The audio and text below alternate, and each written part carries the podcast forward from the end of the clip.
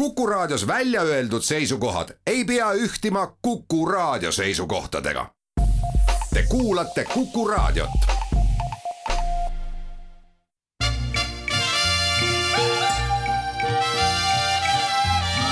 välismääraja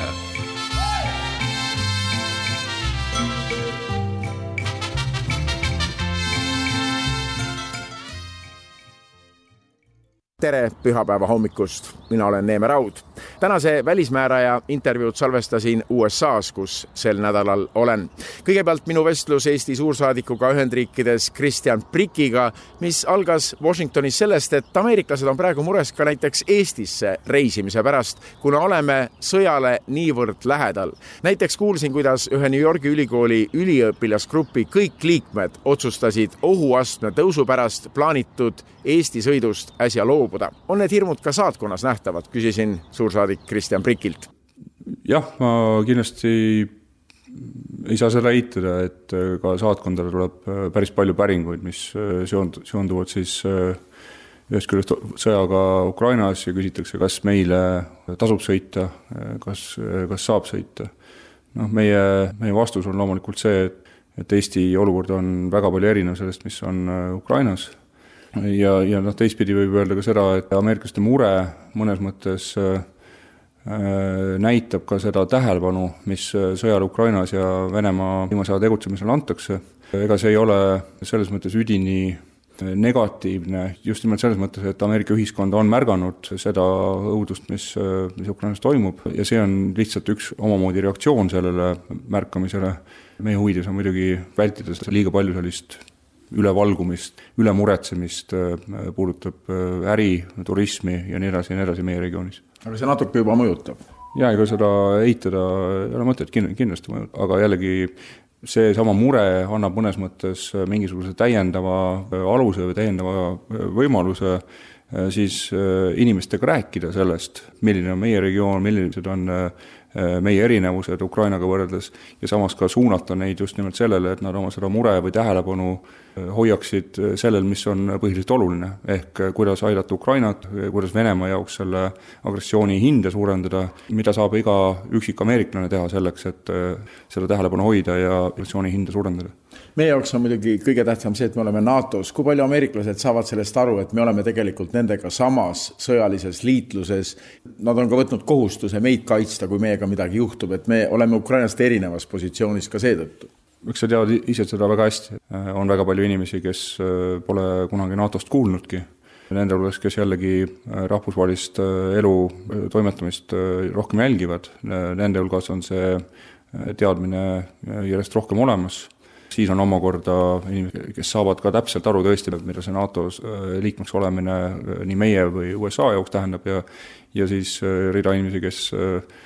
teavad NATO-st, teavad äh, eri riikide liikmeks olemisest sealt, aga, aga mida see täpsemalt USA jaoks tähendab või rahvusvahelise julgeoleku jaoks, ei pruugi alati teada. president Biden teab Eestit väga hästi, selles võib kindel olla. ma julgen arvata, et president Biden on ilmselt äh, USA presidentide hulgas, kes äh, teab Eestit,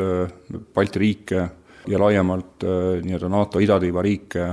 võib-olla üldse kõige paremini ajaloos kui rääkida nüüd Euroopa tundmisest, siis võib-olla laiemas mõttes on äh, president Eisenhower omal ajal võis konkureerida president Bideniga, aga tõesti, äh, Bideni puhul on äh, kõik see, mis puudutab NATO-t, mis puudutab USA siis kohustust, artikkel viis kohustust, see on mitte abstraktne, vaid väga vahetu ja isiklik tema jaoks. Ja seda oli näha muuhulgas ka sellest tema eelmise nädala kõnest Varssavis. President Biden selles samas kõnes rõhutas seda, et president Putin ei sobi sellesse ametisse, mis tekitas kohe rahvusvahelise diskussiooni, et kas Ameerika kavatseb režiimi muudatust. Biden on korduvalt selliseid isiklikke avaldusi teinud kõnedes, mis ei ole sinna sisse kirjutatud, aga kus ta lähtub oma emotsioonist. president Biden on väga selline vahetu ja emotsionaalne inimene, see on olnud üks asi, mis on saatnud teda tema läbi poliitilise karjääri see on üks põhjus, miks äh, inimesed teda on valinud ja armastavad, aga samuti ka üks, mis on toonud talle raskeid momente, selgitamist vajavaid äh, hetki ja nii edasi. selle kont-, konkreetse kõnega äh, seotult jah, me teame seda, et see viimased kuulsad üheksa sõna ei olnud kõnekirjutajat ja kirjutatud, need olid midagi, mis president Biden ütles selle emotsiooni pealt, mis ta sai kohtudes Ukraina põgenikega just paar tundi varem ja ta ütles ka paar päeva hiljem, et ta ei, ta absoluutselt ei võta neid sõnu tagasi või ei kahetse neid, aga see on temapoolne moraalne hinnang ühe riigipea sobivuseks, kuigi ta teab, et nii-öelda poliitiline praktiline hinnang on vene rahva anda. aga Venemaal muidu väärib tähelepanu see, et need täpsed president Bideni sõnad, neid Venemaal väga ei tiražeeritud. Tegelikult äh, Venemaal räägiti rohkem sellest, et äh, Biden ütles midagi, mis sai justkui mujal tagasiside, mõnel puhul isegi lausa kuni hukkamõistu tagasisideni. eks see võib-olla ka näitab, et, et isegi selline paljas mõte, et USA president midagi sellist ütleb, on Venemaal praegu kuidagi keeruline sellest, sellest rääkida. sa tulid just praegu Valgest Majast, me räägime seda juttu esmaspäeva õhtul, seda juhtu eriti sageli, et riigi suursaadik Valges Majas kohtub presidendiga, oli see seotud Ukrainaga, põgus hetk oli võimalus sul ka presidendiga silmast silma rääkida? selle kohtumise äh, taust oli tegelikult siis see, et sellega mõnes mõttes äh, Valge Maja võttis järgi mõnes äh, sellises protokollilises küsimuses, mis tavaliselt toimuvad seoses äh, suursaadikute riiki tulemisega, äh, akrediteerimisega. kuna eelmine aasta Covidi tõttu ei olnud võimalik sellist äh, vahetut kohtumist teha, siis nüüd täna oli vist, vist kuni kakskümmend suursaadikut seal. tõepoolest, nii nende suursaadikute omavahel suheldes ja need suursaadikud olid alates Zimbabwest, Mauritiusest kuni Eesti, Ukraina, Leeduni Ukraina oli põhiteema ja tegelikult äh, minu selline kiire mõttevahetus president Bideniga, see tegelikult äh, keskendus samuti ühisele tegutsemisele ja selles Ukraina praeguse olukorra ja Vene, Venemaa sõjategevuse valguses. presidendi sõnad, USA presidendi sõnad on alati uudise väärtusega. mida president Biden siis sulle ütles? Ma nii-öelda tuletasin meelde või viitasin tema äh, nendele samadele sõnadele, mis ta ütles äh, Varssavi kõnes. et president Putin ei sobi selles samas tegevusele? ma ütlesin, et see kõne tervikuna oli hea kõne ja ma ütlesin äh, seda, et, et ilmselt need samad üheksa sõna on täna pärast nüüd juba paar päeva avalikuks saanud Butša veresauna ilmselt äh, väga paljudele rohkematele nii-öelda kohale jõudnud, tema reaktsioon oli muidugi selline, nagu oligi arvata jällegi, et tema oma, oma nendest äh, sõnadest äh, on juba enne öelnud, et ta ei kavatse neist taganeda, nii et ta, me olime ühel meelel võib-olla. samas on ikkagi Euroopas palju arusaamatust, miks USA ei taha Ukrainasse otsesemalt sekkuda, miks ei kehtestata lennukeelutsooni Ukraina kohale, miks Lääs ikkagi vaatab kõike seda pealt, kõike seda, mis muutub päev-päevalt üha verisemaks ja kuritegelikumaks? no USA on juba kuid enne, kui see, see sõda puhkes, on tegelikult USA teinud äh, suhteliselt pretsedendituid samme selleks, et äh, püüda seda sõda ära hoida. avaldades luureandmeid ju sellisel määral. jah, ja, ja, ja tegelikult ehitades sellist äh, laiapindset koalitsiooni, see ei olnud luureandmete lihtsalt sellisesse tühjusesse avaldamine, vaid see oli just nimelt eesmärgiga püüda nii heidutada sellise rahvusvahelise koalitsiooniga äh, Venemaad, aga ka olla valmis selleks, et kui see sõda puhkeb, siis ei ole nii NATO liitlaste vahel, aga nagu laiemalt poliitilise lääne sees ei ole kahtlust, äh, millega on tegemist ja suudetakse ka piisavalt kiiresti reageerida. nüüd äh, noh, meie näeme Eestis seda niimoodi, et peab olema selgelt nii-öelda kaks põhiliini. Venemaad ja Ukrainat puudutavad, esiteks peame majanduslikult, poliitiliselt, sõjaliselt väga tugevasti toetama Ukrainat, teisest küljest tõstma igati poliitiliselt, majanduslikult ja sõjaliselt kulusid Venemaale, eh, agressorile. et agressoril ei oleks võimalik sellest eh, sõjast tulla välja millegagi, mida tal nii-öelda enne sõda ei olnud, millegagi, millele Ukraina näiteks ei oleks nii-öelda alla kirjutanud kahekümne kolmandal veebruaril sel aastal. USA on tegelikult sedasama pingutust nagu vedanud, nüüd eh, puudutades kas või sinu küsimust lennukeelutsoonist, ma usun, et äh, õige on eeskätt rääkida mitte ühest või teisest vahendist, vaid äh, nii-öelda eesmärgist. kui eesmärk on äh, vältida seda, et, et Venemaal on täielik tegutsemisvabadus lennukite, rakettide laskmisel ja võib-olla näiteks suurtükiväe tulega siin tsiviilisikuid tapmast ja nii edasi, siis noh, selleks on mitmekülgseid vahendeid. lennukeelutsoonil ka oleks võib-olla mingis olukorras mingisugune roll, aga see ei ole nagu ainukene vahend ja USA tegutseb päris aktiivselt selle nimel, et äh, õhukaitsevahendeid ka Ukrainale juurde saada, ka nädalavahetusel nägime siin äh, tulemusi, kus ilmselt venelastel mõnedki vahendid alla lasti, aga no samas käib ikkagi jutt, et rohkem USA ei saa teha, otseselt sekkuda ei saa, sest siis algaks kolmas maailmasõda. jah, me ise usume, et meil on rohkem mõtet rääkida asjadest, mida me saame teha, sest me saame teha tegelikult väga palju ja ei tasuks niivõrd palju keskenduda sellele, mida, mida ei saa teha. kindlasti iga vastutustundlik riigi otsustaja, saatis veel USA president, peab vaatama seda, et üks või teine samm ei tooks kaasa mingisuguseid järelmõjusid, mille kahjud on suuremad kui sammust saadav tulu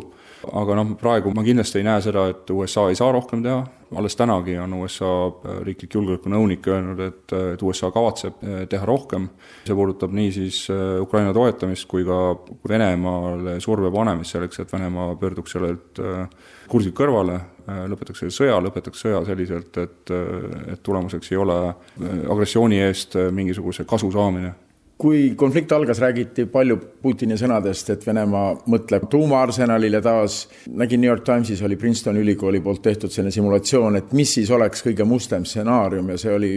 väga-väga must, no seal oli mõned minutid Eestis ainult elada, kui peaks tuumakonflikt puhkema. kui palju sellest teemast räägitakse, sellest ultimatiivsest kaardist, mis Putinil ka kuskil tagataskus ju on? sellest kindlasti räägitakse ja kui on tegemist äh, tuumariikidega, siis jällegi oleks ka kuidagi veider, kui ei räägitaks sellest, eriti kui, äh, kui teine pool äh, seda kaarti nii usinalt lehvitab. aga on väga oluline aru saada, et õnneks ei ole Venemaa ainukene tuumariik maailmas ja õnneks on Äh,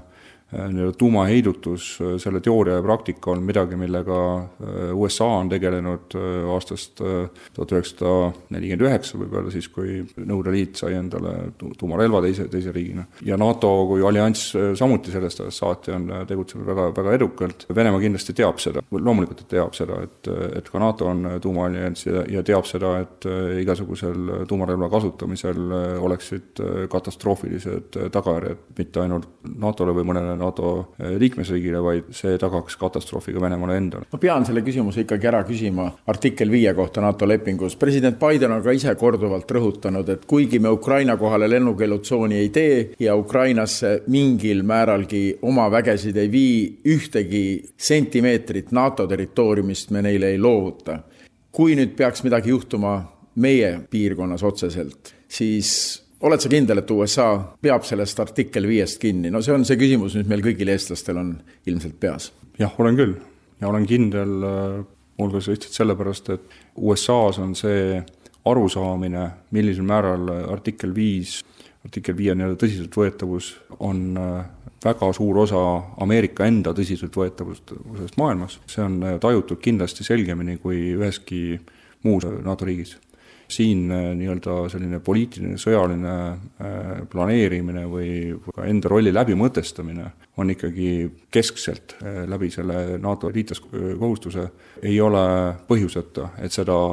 tõstetakse nii-öelda täiesti teise klassi kui igasugused muud toredad partnerlussuhted, mida ju USA-l on üle maailma igal pool, aga see ei ole võrreldav siis artikkel viis kohustustega Eesti suursaadikuga USA-s Kristjan Prikiga jätkame juttu hetke pärast.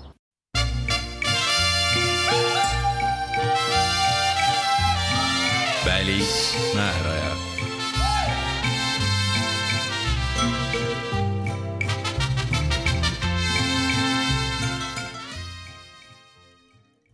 välismääraja jätkub, tänane saade on salvestatud USA-s, kust on Ukraina sõja ajal saadetud otsest sõjalist ja kaitsealast abi ka Eestile. Eesti suursaadik USA-s Kristjan Prikk. Jah, tõsi ta on, see on äh, muidugi ka hea näide sellest, kuidas administratsioon ja kongress ehk äh, tegelikult me räägime siis üle USA äh, poliitilise spektri, on väga suur ja nii-öelda aastatepikkune toetus olemas Balti riikidele olemas Balti riikide kaitsevõime hoidmisele ja tugevdamisele. USA peamiselt äh, siis läbi erinevate fondide toetab Eesti planeeritud igasuguste kaitsealaste arenduste kiiremat elluviimist. Nad on äh, aastaid äh, rõhutanud seda, et nende jaoks on lisaväärtus sellel, kui üks või teine arendus mitte ei, ei tee ainult Eesti kaitset paremaks, vaid, vaid sellel on mingisugune regionaalne aspekt et me oleme siis ka Läti ja Leeduga teatud kaitsevajadused läbi rääkinud, kooskõlastanud need ka USA Euroopa väejuhatusega selle tõttu on neil olemas siis ka äh, kindlus, et tegemist on äh, millegagi, mis annab just nimelt äh, kvalitatiivselt juurde meie kaitsevõimele, mitte ei ole lihtsalt võib-olla ilus asi paraadil. ja viimane aasta on siis kongressi poolt eraldatud kolmele Balti riigile kokku sada kaheksakümmend miljonit dollarit siis ühest nii-öelda põhifondist, aga lisaks äh, tõenäoliselt, äh, ma ei hakka numbrit ütlema, tõenäoliselt äh, meile tuleb veel täiendavat abi siis puhtalt Eestit puudutavalt, tegemist on ikkagi väga suurte summadega, eelkõige sellega tugevdatakse siis õhukaitset, tugevdatakse side- ja juhtimissüsteeme, tugevdatakse ka meie erinevat siis nii-öelda väga kallist laskemoonavaru. Ja noh, kokkuvõttes on eelkõige suunatud sellele, et Eesti selline esmane äh, vastupanuvõime oleks äh, võimalikult, võimalikult suur, et me ei oleks äh, nii-öelda söödavad sõjalise sihtmärgina, vaid me oleksime võimalikult vastikud selle vaenlase jaoks. me teame, et Eestis on Ameerika eriväelased, aga ikkagi on räägitud palju sellest, et kõik Balti riigid on teinud tööd aastaid juba selle nimel, et saada Ameerika nii-öelda regulaarväelased oma riiki kas ka see on mõeldav, Ameerika nüüd teatas, et ta saadab lisavägesid kolme NATO riiki, aga need ei ole Balti riigid, need olid Rumeenia, Bulgaaria ja Slovakkia. meile kõige lähemal olevad Ameerika väed on siis Poolas. no jällegi, nagu sa ka ütlesid, siis äh, USA äh, erioperatsioonide sõdurid on olnud aastaid Eestis ka, et, et ei ole niimoodi, et Eestis nüüd kedagi ei ole. Aga tõesti, selles praeguses julgeoleku olukorras, mis kujunenud on, me peame vajalikuks seda, et ka USA panus äh, siis äh, idatiival tervikuna, sealhulgas äh, meie regioonis, suureneks. me peame vajalikuks seda, et see suurenemine oleks eeskätt siis selliselt, et see ei oleks puhtalt selline kahepoolne kokkulepe, et USA ja Eesti lepivad omavahel kokku või, või USA ja Läti lepivad omavahel kokku mingisuguse täiendava üksuse või võime saamises, vaid et see oleks midagi, mis oleks nii-öelda NATO raamistikus kokku lepitud, see tagaks selle, et äh, see oleks sünkroonis ka ülejäänud liitlastega teht-, tehtavaga ja see oleks äh, sünkroonis igasuguste Eesti enda ja NATO nii-öelda kaitseplaanidega maksimaalsel määral. Ja me näeme seda, et tuleb äh, muuhulgas arvestades siis Venemaa sõtta minemist Ukraina vastu, mille puhul me räägime sellest, et Venemaa tegi massiivse tegelikult valearvestuse sinna sõtta minnes seda kõike silmas pidades äh, tuleb ka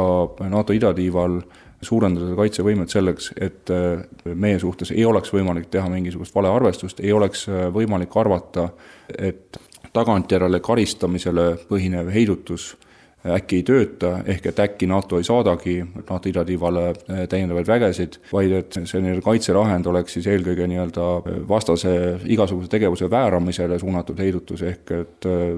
hetkest üks on, on vastasel piisavalt tugev äh, sõjaline jõud vastas, me räägime, et vähemalt Eesti puhul oleks selleks sõjaliseks jõuks koos Eesti enda kaitseväega diviisi suurune nii-öelda üksus, millest osa peab olema liit, peaks olema liitlastelt ja oma... kõik kuulajad ei tea, mis on diviis, kui ja, palju? Eesti enda kaitseväe puhul me räägime kahest brigaadist ja praegu liitlaste puhul me räägime sellest, et Eestis on nii-öelda tavajuhul natuke üle tuhande, tuhande liitlase. me usume, et liitlaste hulk peaks Eestis äh, natuke rohkem kui kahekordistuma ja seal peaks olema siis äh, ka sellised nii-öelda erivõimed, mida Eestil äh, endal äh, NATO-s kokkulepituna ei ole, näiteks õhukaitse, kaitsevahendid, ka kõrgema taseme nii-öelda juhtimisvahendid ja juhtimistehnika ja nii edasi. selles peaks siis olema nii teiste liitlaste, aga ka USA osa kindlasti selleks, et kellelgi ei oleks võimalik tõlgendada olukorda selliselt, et USA jaoks Suwalki käpis põhja pool või Suwalki maakaitsusest põhja pool olev on äh, kuidagi tagalaala või midagi sellist, kuhu oma vägesid ei paigutata kohe sinu taust, sa olid Kaitseministeeriumi kantsler ju, kaitsealal on praegu erakordselt vajalik Washingtonis, tundub? kindlasti on Eesti suhe USA-ga äh, selline, kus julgeoleku ja kaitse küsimused on äh, tegelikult alati olnud kesksel kohal. praegusel ajahetkel on see võib-olla isegi rõhutatult niimoodi, ma ise tunnen äh, tõesti päris hästi, et äh, see nii-öelda kaitsealane taust on olemas ja ma näen ka enda kolleegide hulgas, et äh, päris palju on neid, kes on näiteks varem kas oma riigi kaitseministeeriumis teeninud või ka näiteks oma riigi NATO esindustes töötanud, nii et see kaitsealane mõtlemine ja keel ei ole päris võõras. aga Venemaa, millised suhted on USA-l praegusel hetkel üldse Venemaaga? Mida Venemaa suursaadik teeb, kui madalat profiili ta siin Washingtonis hoiab, on ta üldse nähtav siin aruteludes? Venemaa suursaadik üldiselt ei ole eriti nähtav, ma julgeks väita, et ta ei ole olnud ka nähtav enne seda äh, suhete nüüd äh, drastilist äh, halvenemist seoses Venemaa tegevusega. ma aeg-ajalt kuulen küll seda, et Venemaa suursaadik kuskil kaebleb, et temasse või tema diplomaatidesse ei suhtuta piisavalt vastutulelikult või nii-öelda ei kuulata aga noh, mul on väga raske, raske seda võrrelda või hinnata ja noh, kindlasti suhete headuseks on vaja eh, kahelt poolt mingisugust eh, tegutsemist ja noh, praegune Venemaa juhtkond on teinud kõik selleks, et eh, igasugused suhted oma partneritega ära rikkuda. Teie konkreetne töö, igapäevatöös, mis on peamised küsimused, kindlasti relvastusalased küsimused, et saada seda õhukaitsesüsteemi, millest on ju räägitud, Jüri Luik rääkis siinsamas Välismääraja saates sellest, kuidas Eesti võiks ka ise osta omale õhukaitset juurde, aga see on tõesti väga kallis, et kui saab Ameerikalt ja NATO-lt abi, see on väga tervitatav, aga mis teil saatkonnas konkreetselt praegu laual on? nüüd viimaste kuude jooksul on äh, kõik see, mis selle Venemaa algatatud sõjaga seotud on, need teemad on äh, domineerinud nii et võib öelda, et ka igasugused muidu, kuidas öelda, puhtalt rahuaegsed teemad on, on muutunud järsku osaks sellest reaktsioonist sõjale ja otsingutele sellest sõjast väljapääsust, et noh, ma toon näite sellise, et sel nädalal on üks meie saatkonna jaoks suuri teemasid ka energeetika Äh, on siin äh, Eestist külalisi, on äh, Ameerika erinevate ettevõtetega ja Ameerika administratsiooniga läbirääkimised teemal, kuidas kiirendada siis LNG vastuvõtuvõimekuse tekkimist Eestisse, LNG terminali tekkimist Eestisse, kuidas sinna terminali võiks saada reaalne vedeldatud maagaas, see kõik on tulnud tegelikult osana sellest samast sõja nii-öelda paketist sõda on kutsunud esile või kiirendanud mingeid muutusi, mis muidu oleks võib-olla äh, oluliselt kauem aega võtnud, aga noh, on ka selliseid pehmemaid teemasid, eelmine nädal oli siin äh, suurepärane Eesti äh, kammerkoor Collegium Musicale, tegid Washingtoni piirkonnas kaks ülimenukat kontserti, aga tegelikult ka nende kontsertide puhul oli selge seos jälle selle praeguse rahvusvahelise olukorraga olemas, ehk nende repertuaaris oli muuhulgas Erkki Svendüüri Ukrainale kirjutatud teose esmaesitus USA-s. meil oli ühel kontserdil, mille me tegelikult organiseerisime, kuna meil endal saatkonnaga on praegu lood nigelad, ehk meil on asi alles remondis. no nigelad ei ole, saatkonna maja on olemas, lihtsalt saatkond on remondis. saatkonna hoone on jah, on äh, remondis, siis me organiseerisime äh, selle kontserdi koostöös Prantsusmaaga, kes on praegu Euroopa Liiduga eesistuja. kontserdil oli siis ka erikülaliseks ja pidas äh, algatuseks oma kõne või sõnavõttu Ukraina saadik siin, kes on äärmiselt nähtav, äärmiselt äh, ma julgen öelda, nii-öelda populaarne suursaadik ja kindlasti kogu see üritus ja see, et selle ürituse käigus me äh, kutsusime inimesi üles äh, annetama Ukraina äh, hüvaks, see ma arvan, on jällegi üks nagu hea näide, kuidas saatkonna erinevad tegevused saavad olla põimitud kokku mingisuguse laiema, kõrgema eesmärgi heaks. ja veel üks küsimus, kui rääkida Eesti nähtavusest siin Ühendriikides, siis me oleme väga nähtavad tänu meie peaministrile. väga uhke oli lugeda New York Timesis poolteist nädalat tagasi artiklit, et mina olen Kaja Kallas, Eesti Vabariigi peaminister ja ma arvan nii, just New York Times oligi jätnud pealkirja selliseks. meie peaminister on praegu vägagi meie regiooni eestkõnelejaks kujunenud nii Euroopas kui ka siin Ameerika Ühendriikides meie peaministrit ja tema erinevaid siis esinemisi või sõnavõtte nii kirjasõnas kui väga palju on olnud neid erinevaid teleintervjuusid ka Neid tõesti hinnatakse, neid äh, tuuakse välja kui midagi, mis ütleb väga klaarilt seda, mida võib-olla paljud mõtlevad, aga ei julge või ei taha välja öelda. Ja ma julgen ka öelda seda, et teda ei kutsuta kindlasti esinema mitte sellepärast, et äh, ta sobib sellisesse äh, nišši, kuhu on mõeldud väike idatiiva liitlane, vaid siin ikkagi juba ammu teda võetakse, võetakse lihtsalt ühe väljapaistva liitlaste juhina, kellelt alati saab äh, vastused, millel on mingisugune sisu ja nii nagu seesama viidatud artikelgi, see sisu ei ole mitte lihtsalt äh, millegi üle kaeblemine, vaid seal on äh, ettepanekud lahendusteks ja see ju ameeriklastele meeldib. Eesti suursaadik Ühendriikides Kristjan Prikk kõneles hetke pärast minu jutuajamine Eesti alalise esindajaga ÜRO-s Sven Jürgensoniga.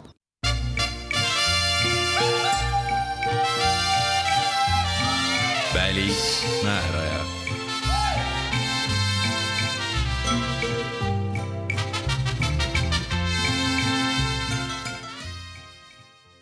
ÜRO Peaassamblee hääletas neljapäeval New Yorgis Venemaa volituste ajutise peatamise poolt Maailmaorganisatsiooni Inimõiguste Nõukogus. assamblee saja üheksakümne kolmest liikmest toetas üheksakümmend kolm Venemaa volituste peatamist karistuseks Ukrainasse tungimise eest, vastu hääletas kakskümmend neli liiget ja viiskümmend kaheksa jäi erapooletuks, mis annab märku rahvusvahelise ühtsuse nõrgenemisest Venemaa küsimuses. Eesti ÜRO suursaadiku Sven Jürgensoniga kõnelesin nädala alguses enne Inimõiguste Nõukogu alast hääletust, aga sellest, et mõne nädala eest toimus Peaassamblees tõesti hääletus, kus praktiliselt kõik maailma riigid Venemaa tegevuse Ukrainas karmilt hukka mõistsid Jürgenson rõhutas juba selles vestluses, et selle nimel tuleb aga järjepidevat tööd teha, et hoida üleval rahvusvahelise üldsuse ulatuslikku karmi kurssi Moskva suhtes. see ei ole iseenesestmõistetav, aga kõigepealt siis resolutsioonist, millega pea kogu maailm mõistis Venemaa hukka ja mida saja üheksakümne kolme liikmelises ÜRO-s peetakse saavutuseks Sven Jürgenson. ÜRO Peaassamblee on võtnud kaks resolutsiooni vastu, üks mõistis hukka Vene agressiooni ja teine äh, oli siis humanitaarresolutsioon, mis ka äh, Vene agressorit nimetas ja nõudis Vene vägede väljaviimist. see oli Peaassambleel tohutu edu, sest äh, esimene kord saime sada nelikümmend üks poolthäält üheksakümne kolmest ja teine kord sada nelikümmend ja Venemaa oli selgelt isoleeritud, kui Venemaad toetas ainult neli riiki, Valgevene, Põhja-Korea, Süüria, Eritrea aga samal ajal eks ta mõnes mõttes näitab ka ÜRO ikkagi natuke läbikukkumist, kuna Peaassamblee resolutsioonid ei ole siduvad ja Julgeolekunõukogu ei olnud võimeline seda vastu võtma, sest teame ju, Julgeolekunõukogus on venelastel vetoõigus. julgeolekunõukogusse kohe oma jutuga jõuame, aga mis neist resolutsioonidest siiski kasu on? riigid tulid kokku, hääletasid, me tahame ikkagi reaalseid samme näha kui sõda käib? ega reaalseid ja konkreetseid samme sellises olukorras ju saame aru, et ega väga palju ei tule ja ei olegi, et ÜRO-l ei ole ka ju mingisugust võimestamismehhanismi. ega selles mõttes sealt väga palju oodata ei ole aga ma arvan, et, et noh, üks asju, mida praegu on maailmas väga oluline ikkagi teha, on see, et Venemaa ikkagi täielikult isoleerida. Ja, ja selles kontekstis ma arvan, on see ikkagi väga kasulik olnud, et maailma nii-öelda ikkagi valdav üldsus on kogu selle agressiooni vastu nii selgelt. Ja Julgeolekunõukogu, kus Venemaal on ühena viiest alalisest liikmest vetoõigus, nõukogu on ju seda teemat arutanud, aga arutelud ei ole kuskile välja võinud noh, tänu vetoõigusele nad ei olegi välja viinud. Eesti on praegu ühe grupi liige, mis on siis ACT Group, Accountability, Coherence, Transparency, ja üks initsiatiiv, mis seal praegu on, on, on nii-öelda vetoinitsiatiiv, mille nimi oli Code of Conduct ehk siis vabatahtlik loobumine vetoõigusest massi, noh, mass atrocity crimes on inglise keeles, et nende puhul. ja praegu see on edasi arenenud, et noh, see, kui, kui see resolutsioon, mis oli esialgu Julgeolekunõukogus, läks Peaassambleele, selle jaoks on üks mehhanism, mille nimetuseks on Ühinenud Rahu nimel United for Peace. aga et seda veel edasi viia, et et äh, kõik äh, Julgeolekunõukogus vetostatud resolutsioonid liiguksid edasi Peaassambleele, et vähemalt saaks neid arutada. Aga jah, kui üks Julgeolekunõukogu alalistest liikmetest muutub fašistlikuks ja agressiivseks oma naabrite vastu, ega seda olukorda Julgeolekunõukogu ja ÜRO ei suuda lahendada, aga noh, samas mõnes mõttes jah, me võime öelda, et on, ÜRO on, on ebaõnnestunud, aga, aga noh, kui võrrelda Rahvaste Liigaga, mis Esimese maailmasõja järel loodi, sama eesmärgiga nagu ÜRO, et mitte kunagi enam,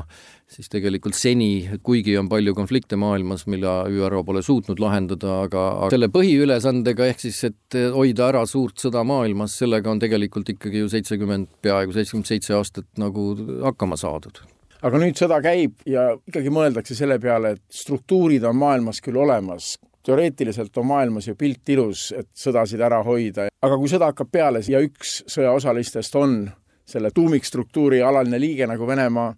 siis ei saagi midagi teha. ei saa, ei saa, ütleme ühe tööriistaga ja ühe organisatsiooniga, tõesti, ÜRO ei lahenda seda ära, kuigi peasekretär näiteks on samamoodi ju olnud tegelikult läbi aegade kõige selgesõnalisemalt ühte osapoolt hukka mõistmas. aga ta, ütleme, et ta on üks tööriistadest tööriistakastis ja meil on ju lisaks olemas veel Euroopa Liit, meil on olemas NATO, meil on olemas igasugused erinevad kahepoolsed suhted ja nii edasi, et noh, kogu selle atribuutikaga tuleb hakkama saada ühel hetkel, aga muidugi noh, peasekretär on ka öelnud, et ega ÜRO hartale ei ole nii suurt ohtu kui praegu ei ole mitte kunagi ajaloos olnud. loodame, et, et ei lähe nagu samamoodi nagu Rahvaste Liigaga, kui lõpuks Eesti ka maailmakaardilt kadus USA otsustas siiski kohe vahetult pärast selle sõja algust tuua küsimuse Julgeolekunõukogusse ja me kõik vaatasime seda südikat Ukraina suursaadikut, kes väga julgelt astus Venemaale vastu, nii nagu Ukraina on maailmas praegu toimuvas infosõjas väga selgelt juhtpositsioonil, võttis Ukraina ka seal väga selge liidripositsiooni. Jah, nagu ma ütlesin, see toetus Ukrainale on praegu ikkagi tohutult suur ja Ukraina teeb ikkagi, ikkagi fantastilist tööd ja, ja ka ma arvan, et ka kogu see PR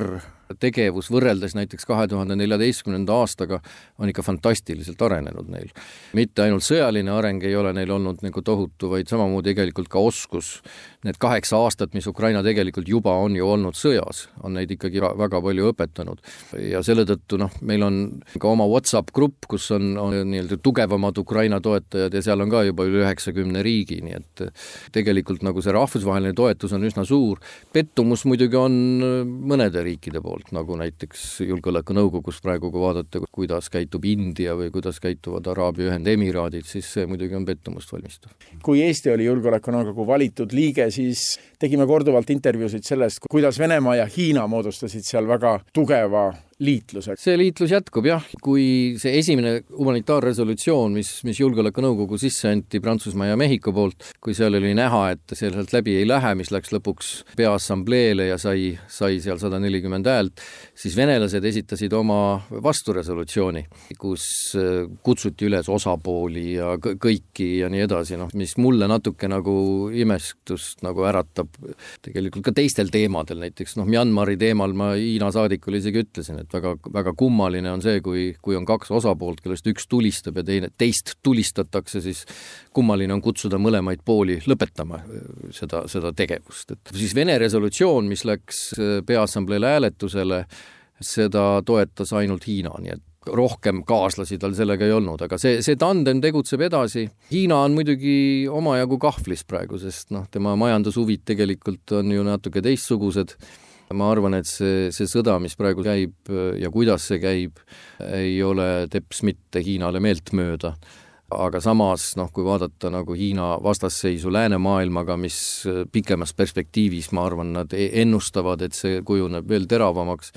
siis Hiina on praegu püüdnud olla näiliselt nagu erapooletu ja ja nii edasi, aga, aga selgelt on nagu nende toetus Venemaale tuntav. samas ei ole küll täheldada siiamaani veel, mida ennustati, et Hiina võib hakata Venemaad ka otseselt abistama nii sõjatehnikaga kui ka isegi toiduratsioone on küsitud ju venelaste poolt hiinlaste käest, et seda päris toimunud ei ole, et ju nad üritavad ikkagi kuidagimoodi seal keskteel natuke ujuda, aga seda tandemit või seda, seda koostööd äh, Julgeolekunõukogus, selle vähenemist ma küll kuidagi ei näe praegu meil on kõlanud hääli, et miks ÜRO ei astu kiireid samme, et saata kohale oma rahuvalvajad? ÜRO rahuvalvajate saatmiseks on samamoodi jällegi vaja ju Julgeolekunõukogu otsust. ja rahu valvamise olemus on ju tavaliselt see, et rahu saadetakse valvama, kui on rahu, mida valvata. tähendab, ega aktiivse sõja olukorras ju rahu valvamisest ei ole, juba kui neid sõnu mõelda, rahu valvamine, siis seda ei ole võimalik teha.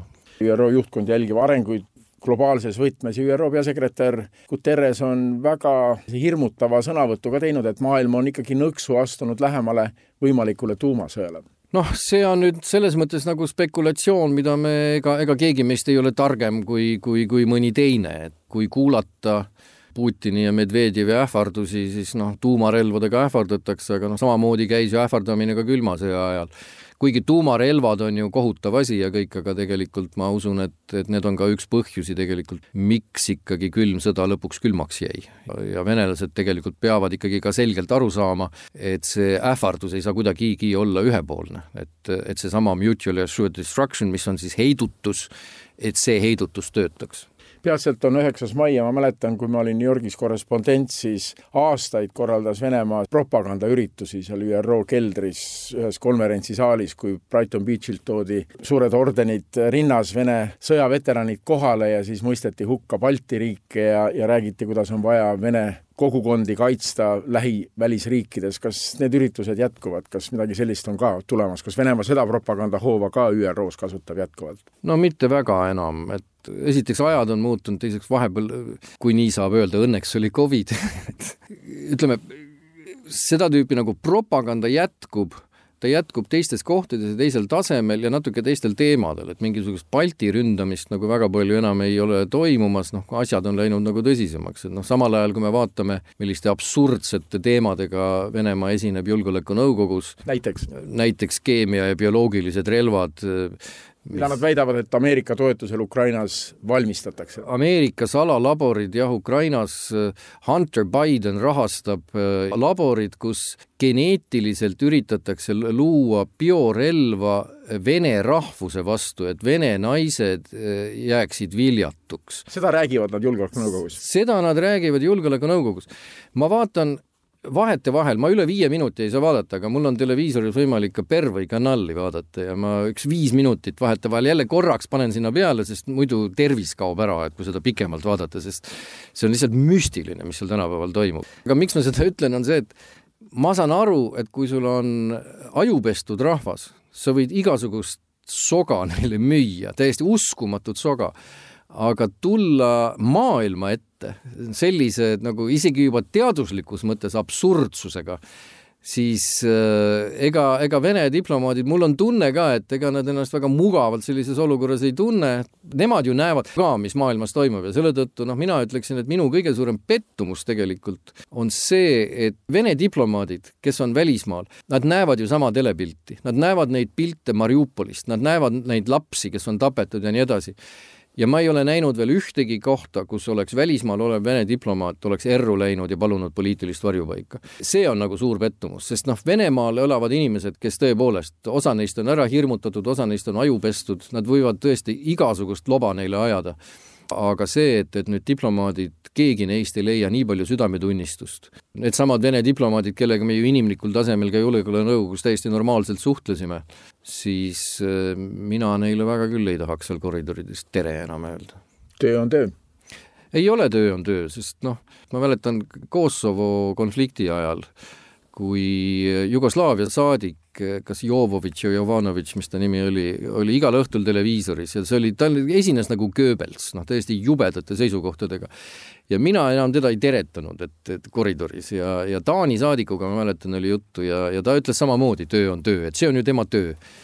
ma ei tea, minu põlvkond vähemalt, kes on diplomaadiks hakanud, minu südametunnistust sellist asja teha ei lubaks, et kui minu riik midagi sellist korraldaks, mina tõepoolest, ma läheksin erru, tuleks koju tagasi, kui ei saa koju tulla, kui olukord on nii hull, palun poliitilist varjupaika, mina ei hakka Goebbelsik. ja kas sa oled diplomaat või poliitik või oled sa keevitaja või astronoom, ükskõik, inimesel peab järgi jääma inimlikkus ja peab järgi jääma südametunnistus. Eesti, olles nüüd Julgeolekunõukogust väljas, ÜRO tavaliige, millised on Eesti võimalused praeguses situatsioonis Ukraina teemat meeles hoida? Eesti peateemaks kujunes küll Julgeolekunõukogus Valgevene, Ukrainast räägid mööda minnes, ei olnud nagu see akuutne teema sel hetkel, aga, aga mida saab Eesti nüüd teha? Olles endale kogunud ikkagi väga palju tuntust ja poliitilist kapitali nende kahe aastaga, mil me olime Julgeolekunõukogus? tegelikult oli ikkagi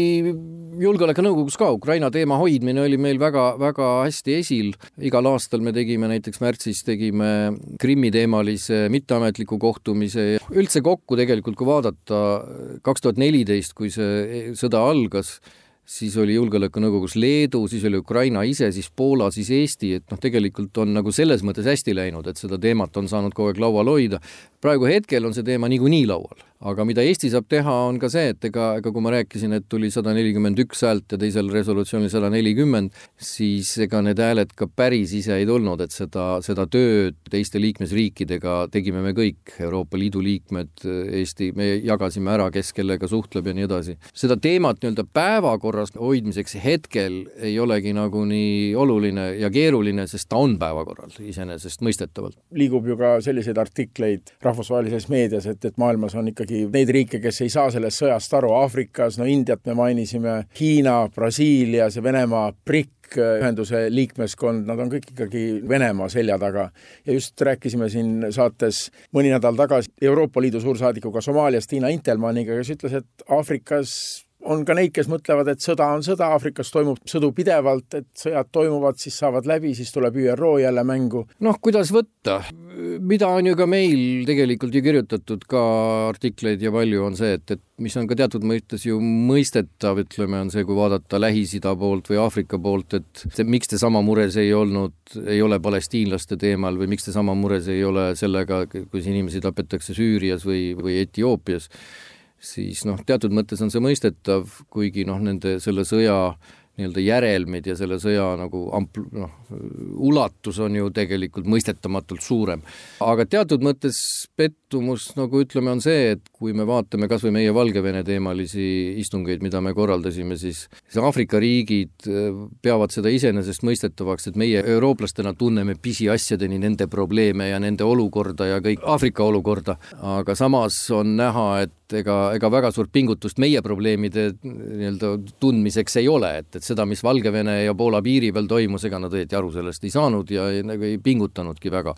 aga samal ajal, kui sa ütled, et nad on nagu Vene selja taga, noh, seda, seda ka ei ole, et seesama humanitaarresolutsioon, mis siis vastu võeti nüüd eelmisel nädalal, seal Lõuna-Aafrika pani, noh, suure tõenäosusega kõva Vene utsitamise peale pani alternatiivresolutsiooni, mis oli väga sarnane selle Vene resolutsiooniga, mis oli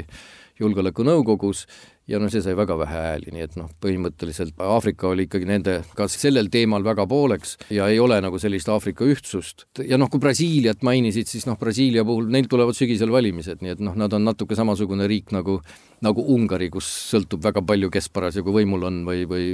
kas see nüüd seda, selle riigi olemust või seda näitab, see on nagu iseküsimus. aga kindlasti, mis on nagu tore, et saadi sada nelikümmend üks häält, mis on ikkagi tegelikult täiesti uskumatult, no ütleme, suhteliselt ajalooline number, aga samas ütleme, negatiivne pool sellel on see, et ega seda numbrit hoida ei ole lihtne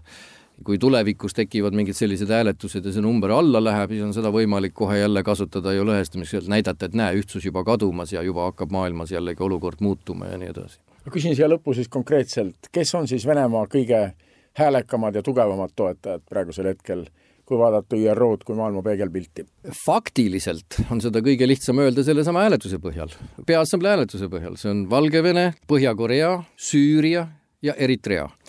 noh, lisaks saab sinna juurde panna niisugused äh, erapooletuks jääjad küll, aga samal ajal, mida Teise maailmasõja ajal nimetati äh, war profiteers, noh näiteks nagu India, kes nüüd leiab, et on väga tore aeg väga odavat naftat Venemaa käest saada. või, või Hiina, kes istub kõrval ja vaatab, et kuhu see asi liigub ja nii edasi ja noh, selliseid toetusi on, aga, aga ütleme, kõige tugevamad ja, ja tegelikult nagu nii-öelda, noh, kes on nende venelaste taskus nii-öelda, on ainult need neli riiki, nii et noh, ikkagi väga väike hulk isegi Kuuba ei olnud seal taga, isegi Serbia ei olnud seal taga. nii et nagu ütleme, sellist die hard äh, Vene toetajaid on ikkagi ainult paar niisugust rogue state kui Eesti ÜRO-s hääletab ja ÜRO-s aruteludel osaleb, siis kõik koordineeritakse Euroopa Liidu tasandil, need koordinatsioonikoosolekud on praktiliselt igapäevased. kas praegu on Euroopa Liidu sees ka näha Venemaale mingisugust toetuse taotlemist Ungari poolt näiteks? noh, hetkel ei ole väga tunnetatav tänu sellele, et noh, need teemad, mis meil on, on praegu arutelul, need ei tingi seda, aga noh, kui me vaatame nagu Ungari seisukohti näiteks relvastuse transiidi teemal ja energiaostude lõpetamise teemal, siis need on väga tuntavad, aga, aga need toimuvad peamiselt Brüsselis, nii et New Yorgis praegu on ikkagi Euroopa Liit seni väga-väga ühtne. Eesti suursaadik ÜRO-s Sven Jürgenson kõneles. intervjuu salvestasime enne, kui ÜRO Peaassamblee otsustas neljapäeval peatada Venemaa volitused Maailmaorganisatsiooni Inimõiguste Nõukogus see oligi tänane Välismääraja, mille jutuajamised salvestasin Ühendriikides. mina olen Neeme Raud, peatse kuulmiseni.